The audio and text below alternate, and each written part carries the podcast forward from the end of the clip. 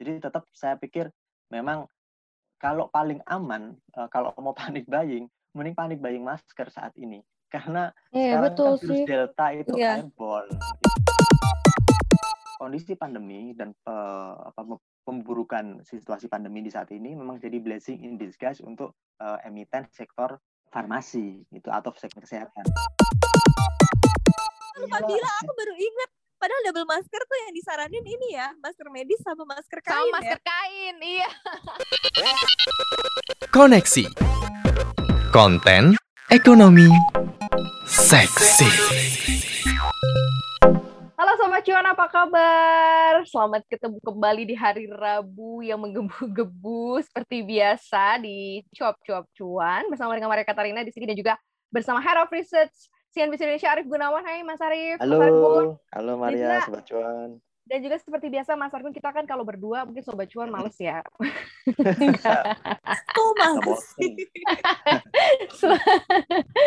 Selalu harus ada plusnya dong yang lucu-lucu, yang keren-keren, yang kece-kece. Ada uh, anchor dari CNBC Indonesia, ada Syarifah Rahma Iva. Hai hai, hai Kak Maria, hai Mas Argun, sehat-sehat. Apa kabar Iva sehat ya Pak? Masih siaran ya Pak ya? Baik, masih siaran. Kak Maria, Mas Argun apa kabar?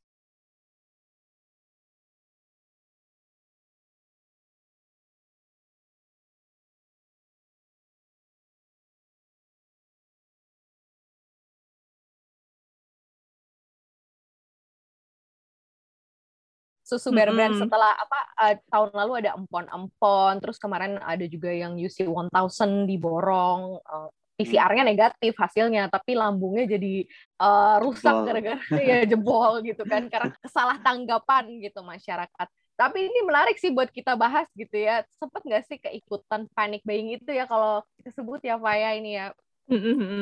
Nah kalau Mas Argun gimana Mas Argun?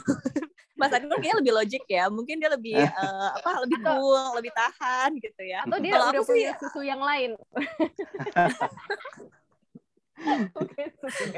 gimana gimana? Kalau kabarnya juga aman ya, berarti nggak panik buying ya? Enggak sih, tapi memang selalu selalu ada ya di kondisi pandemi ini sesuatu hal yang di, di luar dari uh, karena kan ini nggak ada kajian medisnya nih. Hmm. Dan kalau di dalam konsep misalnya kayak susu, jamu, atau misalnya vitamin, itu kan side effect-nya yang bisa dirasakan sama orang yang memang sudah konsum rutin sebelumnya. Baru dia bisa protek kesehatannya dia gitu kan. Bukan sesuatu yang diminum terus langsung sehat. Misalnya minum jamu hari ini, terus besoknya jadi nggak terhindar gitu. Apa memang selalu seperti itu ya Mas di kondisi pandemi ada hal-hal yang di luar kajian medis, tapi menjadi suatu tindakan yang unrealistis lah gitu. Iya, ini lebih ke kajian sosiologi sih. Jadi uh, ada kajian khusus baru aja kemarin tahun lalu uh, dari India. Jadi judul judul risetnya itu Understanding the Psychology Behind Panic Buying, a Grounded Theory Approach. Judulnya panjang, tapi intinya mereka menyoroti hal yang sama juga. Dulu waktu pandemi tahun lalu di India juga ada panic buying, barang-barang kebutuhan pokok, kemudian obat-obatan. Pemicunya apa? Dan menurut mereka kesimpulannya ada dua nih penyebab orang melakukan panic buying. Penyebabnya yang pertama, pertama ya itu ketakutan, fear. Jadi hmm. itu uh, sama seperti di bursa saham. Kalau di bursa saham itu kadang kan ada orang uh, takut ke nggak apa nggak dapat gitu kan. Hmm. takut rugi atau takut nggak dapat, makanya dia iya, borong. Yeah, yeah, yeah. Gitu. Jadinya aksi belinya lebih didorong pada dorongan spekulasi super super spekulatif lah kalau kita bicara sifatnya. Nah hal serupa terjadi di sekarang ini. Jadi ada susu yang bahkan BPOM sendiri bilang bahwa itu kandungannya sama persis dengan susu-susu yang lain, tidak ada pembedanya. Cuman kemudian mungkin masyarakat takut dengan kondisi sekarang, pandemi hmm. COVID yang memasuki gelombang kedua, penyebaran, uh, tingkat penyebarannya sekarang kasus baru 20 ribuan orang per hari dan itu uh, meningkat drastis gitu dan kemungkinan sudah mendekati 30 ribu pada minggu depan kalau ini tidak uh, terkendali penyebarannya. Nah ketakutan itu memicu orang-orang memborong. Nah yang kedua uh, alasannya ini uh, ketidakpercayaan pada otoritas. Oh otoritas kesehatan ataupun otoritas pemerintah dalam menanggulangi pandemi. Jadi mereka takut ini nanti akan berlarut-larut dan satu-satunya security yang mereka punya uh, bukan lagi uang tapi barang gitu. Jadi barang-barang yang dinilai esensial itu mereka borong dan yang bisa me mengatasi persoalan. Dan persoalannya apa? Pandemi. Nah, yang mengatasi apa? Itu tadi susu yang katanya berkhasiat, kemudian obat Cina misalnya atau vitamin C yang sebelum sempat terjadi. Nah, Mas Argun, jadi kan ini kan lebih kayak ke emosional, lebih ketakutan gitu kan artinya. Iya. Nah, tapi kalau misalnya kayak tahun lalu nih ya, pas orang-orang panik buying beli masker lah, beli apalah, itu kan ada kayak aturannya kan. Kayak kalau di bursa saham hmm. juga nih kayak ketakutan panik selling, panik buying ini juga kan ada aturannya kan, kayak ada ARA, ada ARB gitu. Nah, tapi kalau misalnya hmm. untuk benda-benda susu gitu, perlu nggak sih sebetulnya aturan khusus di tengah kondisi pandemi kayak gini? Atau justru malah jadi ini jadi kesempatan. Karena kan gue lihat nih kemarin waktu heboh bear brand itu kan itu di satu pusat perbelanjaan grosir kan. Jadi orang bisa belinya memang dalam partai besar. Dan gue cek lagi di e-commerce itu harganya udah berkali lipat gitu. Bahkan satu karat yang iya. isinya berapa sih itu? 425 ribu gitu. Jadi kayak membuka bisnis baru di situ. Itu dia. Ada cuan juga pada akhirnya gitu. Uh -uh sama seperti di saham sama persis. Jadi pertama fear, kemudian yang kejadian apa? Kalau panik buying uh, akan diikuti biasanya dengan impulsif buying. Orang-orang yang tadinya nggak ikut-ikutan, terus kemudian melihat ada fenomena ini dan mereka tidak mau ngecek apa duduk perkaranya, apakah benar uh, aksi tersebut bisa dijalankan dalam arti uh, logis gitu mereka udah ngecek dan ikut-ikutan. Dan kalau di bursa saham kan kita mengenalnya FOMO gitu kan. Orang ikut-ikutan beli, nggak beli fundamental, nggak ngelihat analisis teknikal, pokoknya masuk aja ikutan. Ada yang cuan pasti, yang cuan ya orang-orang yang menguasai eh, barang itu. Dalam hal ini produsen pasti. Kemarin kalau nggak salah ada berita pihak Nestle di Indonesia, mereka menyatakan akan menaikkan kapasitas produksi susu tersebut. Cuan buat mereka. Tapi yang iya disebutkan Maria tadi, ada yang cuan dari masyarakat sendiri. Nah ini uh, tipe ketiga pembelian. Setelah panik buying, ada impulsif buying, ada selfish buying. Ini orang yang beli-beli barang itu mereka nggak butuh, tapi mereka hoarding, ditimbun untuk kemudian dijual kembali dengan harga tinggi. Nah ini yang sebenarnya nggak nggak benar, cuan yang tidak bisa dibenarkan gitu. Tapi kok bisa ya, maksudnya menggeder menggeder orang sampai sedemikian impulsifnya ya, maksudnya sampai wah eh, padahal mungkin nggak pernah konsumsi atau mungkin nggak pernah mungkin biasa-biasa aja tadinya terus jadi jadi sebegitunya gitu. Berarti ini memang efeknya tuh gila banget berarti ya nggak sih? Iya, iya aku tuh penasaran deh kak. Jadi kayak tiba-tiba nih ya nggak ada angin nggak ada hujan tiba-tiba rame uh, susu itu gitu yang diburu orang gitu kan kayak satu spesifik gitu. Nggak apa-apa sebut aja kali dia mau sponsor di kita kak di balik gitu. Yang justru bikin ini tuh kayak malah jadi diburu kadang-kadang berpikir gitu sih iya tapi ternyata apakah... nih lucunya hmm? lucunya ada beberapa ini sih mas ada kayak beberapa uh, riset-riset gitu yang kayak waktu pas jamu empon-empon tahun lalu itu ternyata bagi pengusaha jamu itu dia memang peningkatan pendapatannya sampai 10 kali lipat terus kemudian hmm. kayak vitamin juga vitamin C juga sama gitu ya ternyata tuh uh, UC taruhlah di sini ya UC 1000 yeah. itu ternyata udah berkali-kali lipat juga pendapatannya dari normal uh, normal season ya maksudnya kayak tahun-tahun iya. sebelumnya. Iya. Dan kalau itu yang kejadian sebenarnya pemerintah tidak perlu melakukan regulasi apa pun. Dalam arti apakah perlu dilarang dibatasi enggak? Karena uh, supply and demand-nya akan kembali lagi. Uh, kalau kita bicara baru kan tadi itu katanya produsennya akan menaikkan ya tingkat produksinya di dua atau tiga kali lipat untuk memenuhi kemungkinan lonjakan permintaan dan produsen lain juga sama gitu dan itu jadi berkah buat mereka Artinya tidak perlu dikasih regulasi khusus untuk melindungi konsumen juga nggak apa-apa. Nanti yang di Tokopedia dan kawan-kawan itu yang di e-commerce harganya pasti akan uh, turun kembali karena mereka tahu uh, aksi panik buying ini tidak memicu uh, apa namanya kelangkaan supply. Jadi kalau suplainya masih tetap dipasok ya nggak masalah. Sama kayak dulu orang yang nimbun nimbun masker kan dulu sempat tuh pada bulan Maret tahun lalu atau bulan uh, April. Mm -hmm. Sama pemerintah kan digenjot itu uh, maskernya farmasi BUMN farmasi disuruh produksi dan otomatis suplainya membanjir dan orang yang tadinya udah beli ditimbun untuk dijual kembali ya nggak laku juga akhirnya. Ya itu aja sih. Selama suplainya aman dan dalam hal ini kalau kita lihat kan ini produk-produk konsumer yang yang skalanya skala masalah produksinya. Jadi ya mereka tidak ada kendala uh, dari sisi supply. Jadi aman-aman saja.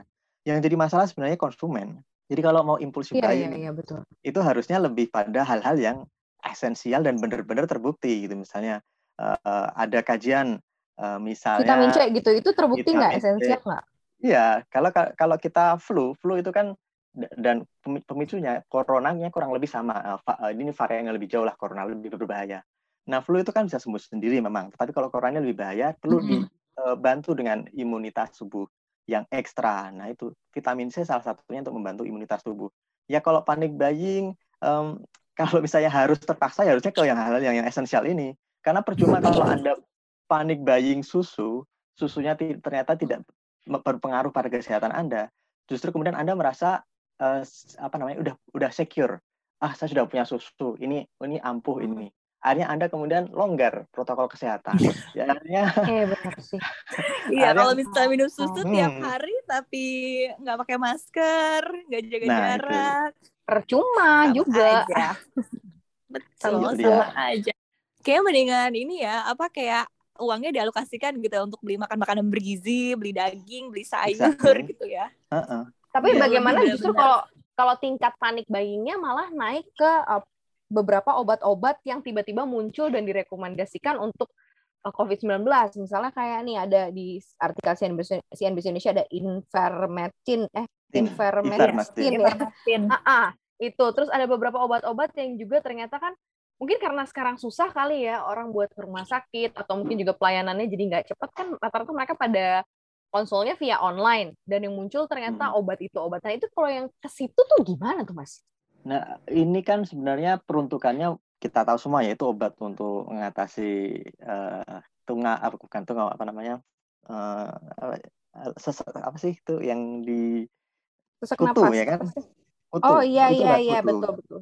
Katanya dia bilang cacing juga. Mas Argun. Iya. Cacing, ah, cacing. Parasit. Ya. Parasit Kuda, yang ada di tubuh gitu ya, kita. Untuk hewan-hewan. Nah, ya.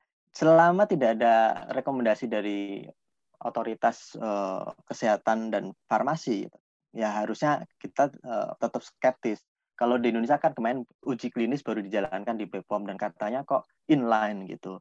Uh, artinya kalau orang tadinya ada tingkat tingkat kegawatannya tinggi, kemudian dikasih terapi ini ternyata lebih mendingan, ya ini uh -huh. bisa direkomendasikan. Dan BPOM memang sudah, tetapi di negara lain uh, eh, CDC saya belum menemukan. Uh, artinya masih tingkatnya parsial gitu.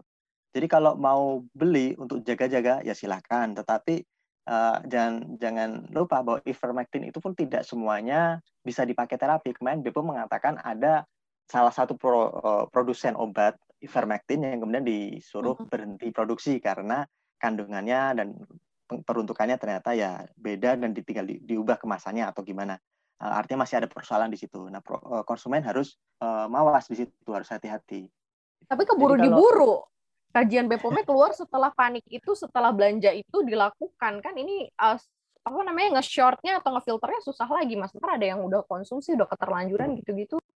Ya, kan kita belum tahu nanti ada efek uh, samping seperti apa gitu. Misalnya kemarin ada obat Cina yang juga diburu katanya uh, apa namanya bisa menjadi obat uh, atau terapi efektif untuk COVID, uh, tapi ternyata ada efek sampingnya. Efek sampingnya apa pada orang yang darah tinggi misalnya. Nah, hal-hal kayak gini ini harus diperhatikan. Jangan hanya beli kemudian konsumsi. Ini obat gitu dan obat ya ada tingkat keras dan enggaknya. Kalau obat keras tetap harus hati-hati gitu konsumsinya. Harus dengan resep dokter. Jadi tetap saya pikir memang kalau paling aman uh, kalau mau panik buying mending panik buying masker saat ini. Karena yeah, sekarang betul kan virus delta itu yeah. airborne gitu. Jadi belilah karena harus pakai dua bagus. ya sekarang ya. Iya biar double masker ya. Sama hand sanitizer ya. iya. Karena harga dari Infarmicin itu aja juga lumayan mahal loh ternyata 650 ribu ya ternyata harganya. Iya. Jadi saya pikir gini deh, kalau kita mau panik buying kan uh, harus mikir-mikir juga.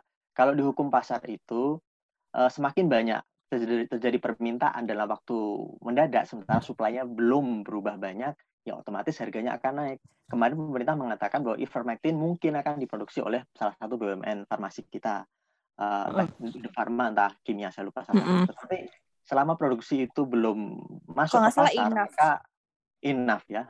Selama masih ada kelangkaan, ya otomatis uh, harganya akan meningkat pesat. Dan inilah efek buruk dari panic buying. Jadi kita sendiri masyarakat secara umum itu menciptakan harga yang lebih tinggi karena suplainya tiba-tiba kita tingkatkan. Padahal kita nggak membutuhkannya saat ini. Kita hanya mau jaga-jaga dan jaga-jaganya ekstra untuk beli 10-50 kaplet misalnya. Itu kan sudah berlebihan. Dan ini bisa memperburuk uh, situasi penanganan pandemi. Kalau memang benar uh, ivermectin ini efektif gitu. Dan kemarin pas aku lihat-lihat juga scrolling-scrolling di media sosial gitu malah justru banyak yang kayak ketika membutuhkan malah jadi nggak dapat. karena nah, udah iya, didorong iya, betul. sama orang yang mengantisipasi. Iya. Selalu ada kelangkaan ya terhadap beberapa apa namanya varian-varian yang dipercaya itu selalu ada kelangkaan tapi di tengah kebutuhan yang mendesak gitu selalu hmm. ada kayak gitu Mas. Dulu vitamin C juga sama tahun lalu juga kayak gitu. Iya. Dan di sisi lain Tapi memang... ini bukan mekanisme ini bukan mekanisme pasar kan artinya menahan barang untuk menaikkan harga. Tapi memang memang maksudnya kalau kita mau berpikir positif adalah ini sebenarnya karena memang nggak ada gitu belum diproduksi lagi gitu karena ini permintaannya melampaui dari supply yang ada. Karena demand-nya luar iya. biasa ya. Nah, tadi kan supply-nya itu hanya untuk mohon maaf nih tadi katanya ada kuda atau uh, anjing misalnya untuk mengatasi parasit dan ternyata dipakai untuk manusia mengatasi covid. Ya tadinya konsumsinya hanya konsumennya hanya uh, hewan piaraan tadi itu jumlahnya berapa sekarang manusia juga manusia. jadi ya otomatis ada kenaikan demand gitu.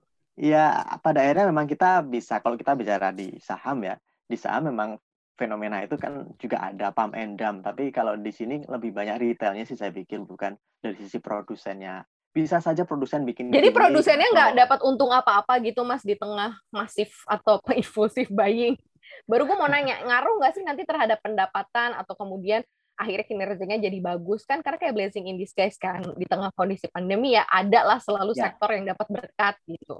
Uh, uh. Ya, itu blessing in disguise dari sisi volume penjualan. Jadi mereka akan mendapatkan limpahan permintaan sehingga ya income-nya otomatis meningkat. Kalau misalnya uh, permintaannya naik 50% ya sebesar itulah uh, peningkatan penjualan mereka. Tetapi ini bukan karena kenaikan harga ya. Saya pikir mereka tidak akan menaikkan harganya secara signifikan, tetapi mm -hmm. yang meningkat volumenya, orang yang beli lebih banyak.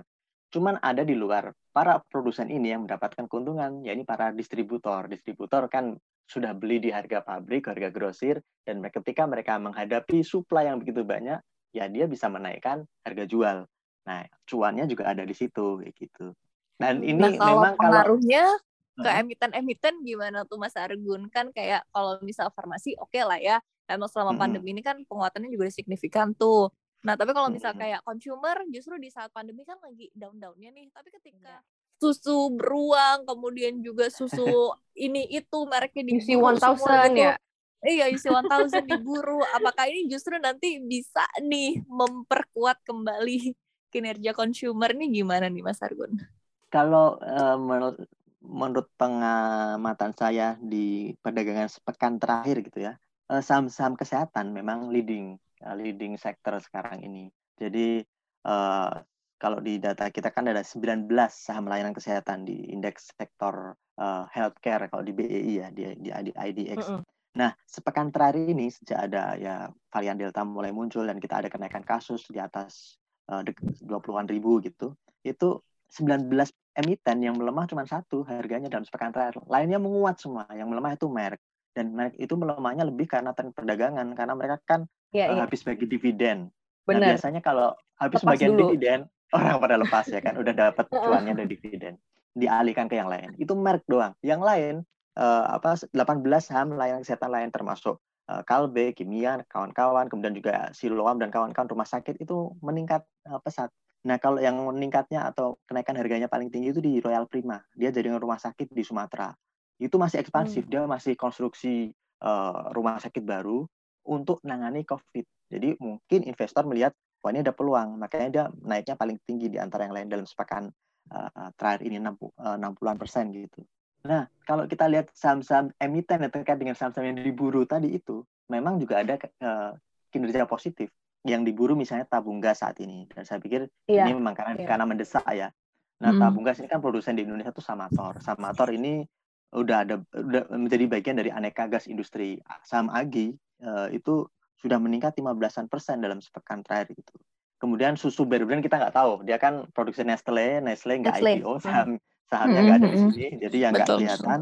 Kalau yang lain produk lain misalnya suplemen, suplemen Kalbe Pharma misalnya kan dia produksi suplemen banyak vitamin C dan kawan-kawan itu naik 0,7 persen sepekan. Vitamin misalnya Piridam Pharma sahamnya naik 2 persen sepekan. Kemudian Sido muncul yang jual jamu itu juga naik 4,2 persen sahamnya. Artinya investor di bursa saham overall mereka sepakat bahwa kondisi pandemi dan uh, apa, pemburukan situasi pandemi di saat ini memang jadi blessing in disguise untuk uh, emiten sektor farmasi itu atau sektor dalam kesehatan.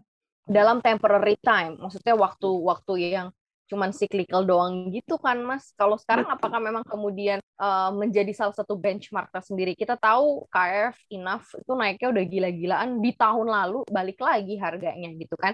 Nah sekarang kan kalau hmm. merangkak lagi berarti ini kayak momentum aja ya nggak sih?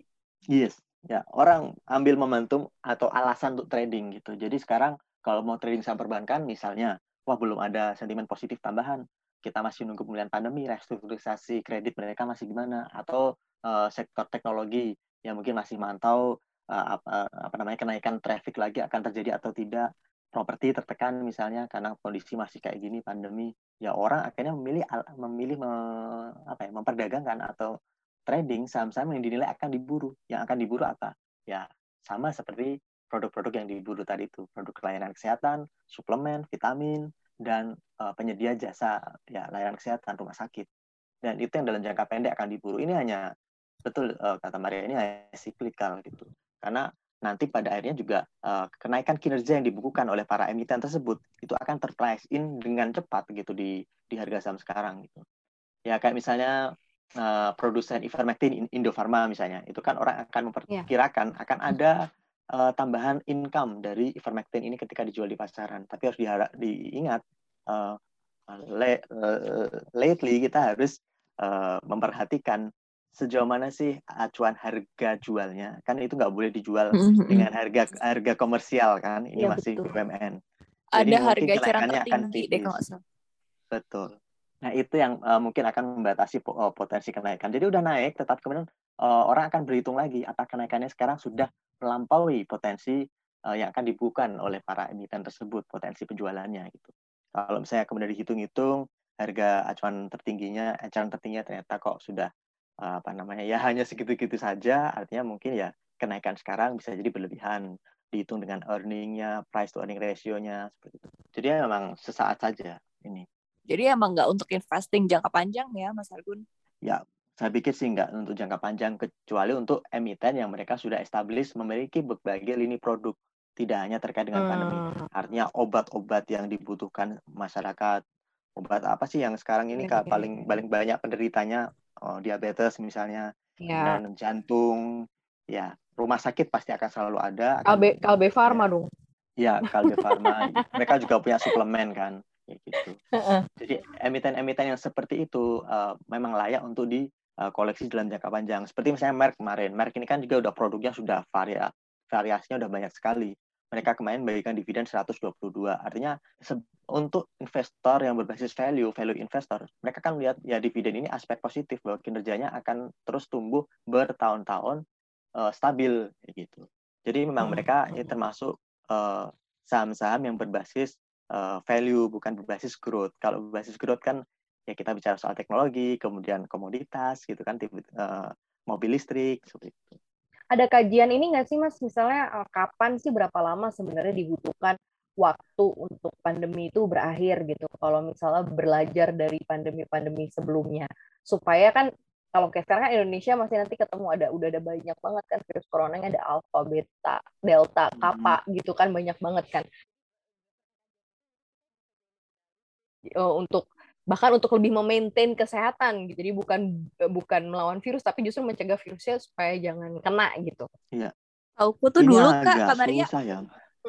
Iya, setauku tuh dulu pas awal-awal pandemi ya, ketika waktu itu benar-benar virusnya yang dari Wuhan, China, itu kan udah banyak tuh penelitian dari UI, ITB, UGM, kalau nggak salah tuh bilang 2021, 2022. Tapi kan nggak mempertimbangkan adanya varian-varian baru. Varian lain nih. ya. Mm. Kalau ada varian ini gimana nih Mas Argun? Mm ya ini yang repot karena dulu ada Spanish flu itu kan tingkat tingkat uh, fatalitasnya juga tinggi tahun 1918-an. Tapi dia langsung berhenti tahun 1919. Jadi cuma setahun doang. Berhentinya karena ditemuin obat, vaksin atau karena apa? Uh, memang saya itu belum ada vaksin, jadi sempat berhenti sementara, tetapi kemudian juga muncul lagi gelombang kedua, tetapi saat itu sudah mulai terkendali. Hmm. Dulu memang uh, tingkat higienitas masyarakat saat itu kan belum Masih lebih tinggi, tinggi ya. ya tingkat higienitasnya masih rendah gitu. Oh masih rendah justru. Jadi memang uh, uh, saya itu masih rendah tahun 1919 uh, berarti mm -hmm. sekitar berapa 200 tahun yang lalu kan ya. Tapi hmm. mereka juga lagi social distancing kali ya. Uh, iya, social distancing dulu juga mulai dijalankan. maksudnya nggak yang sepadat sekarang Jakarta gitu ya Jabodetabek segede gitu berapa juta orang iya nah kalau Spanish flu ini dia berhenti setahun karena ya itu setelah setahun kemudian orang mulai higienitasnya dinaikkan ditingkatkan tingkat penyebarannya pun terkendali intinya itu pada tingkat penyebaran kebetulan virusnya juga belum banyak bermutasi nah COVID ini yang membuat kita khawatir adalah kemampuan tadi benar kata Iva mutasinya itu sangat-sangat cepat gitu sekarang hmm. ada sudah ada varian delta, ada varian kappa, ya kan? Sebelumnya sudah ada beta, gamma dan sebagainya. Artinya hmm. memang udah lebih dari lima varian dalam waktu setahun dan varian terbaru itu lebih mudah menular. Jadi yang bisa kita lakukan memang harus dari sisi vaksin gitu. Perlu ada vaksin untuk menghentikan virus-virus uh, uh, yang bermutasi ini.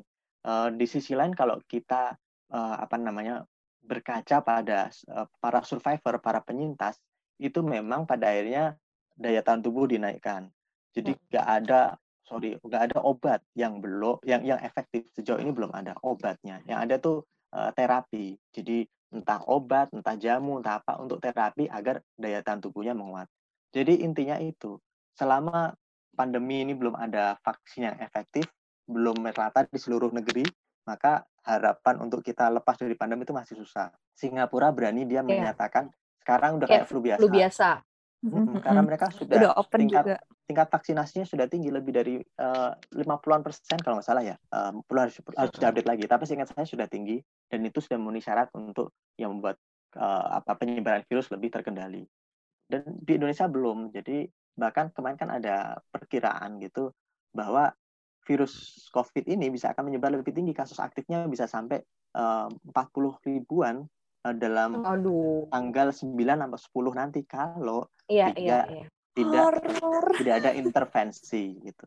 Nah, sekarang harapannya PPKM mikro ditambah embel-embel darurat ini di mana mall uh, apa disuruh tutup, aktivitas sosial dikurangi lagi, harapannya bisa mengurangi laju penyebaran. Ya, ya mudah-mudahan ya. Virusnya, ya, virusnya tidak membunuh, tapi virusnya melemahkan kita dan orang-orang yang kebanyakan meninggal, mohon maaf, itu kan banyak yang komorbid, ada bawaan ya, penyakit. Mm. Kita yang Belum sehat divaksin. nih, kita, iya kita sehat mungkin nggak apa-apa. Bisa jadi sekarang kita yang lagi bicara nih OTG bisa jadi, tetapi ya kita yeah, merasa baik saja karena memang daya tubuh daya tahan tubuh kita kuat. Tetapi kalau kita ketemu orang yang lagi rentan, nah yang jadi korban adalah orang tersebut gitu. Makanya memang kita harus membatasi penyebaran, membatasi ya pergerakan kita sendiri dan ya imunitas dijaga. Harapannya kalau udah ada vaksin nyebar merata, nah kita survive di situ. Tapi Jadi, menjaga imunitas bukan berarti panik buying ya kayak tadi. Iya, balik lagi betul. Top, panik buyingnya jangan... masker aja udah. iya ya, karena kan sekarang katanya anjurannya harus pakai dua masker, double masker. Jadi ya lebih ke supaya nggak jadi killer silent ya, silent killer ya. Karena kan ini jadi kita hmm. kalau OTG kita bisa me bisa menyebarkan virus ke orang lain yang imunitasnya juga jauh lebih rendah dan itu kan jauh lebih berbahaya sebenarnya ya. Oke, okay. well ya berat ya pembicaraan kita.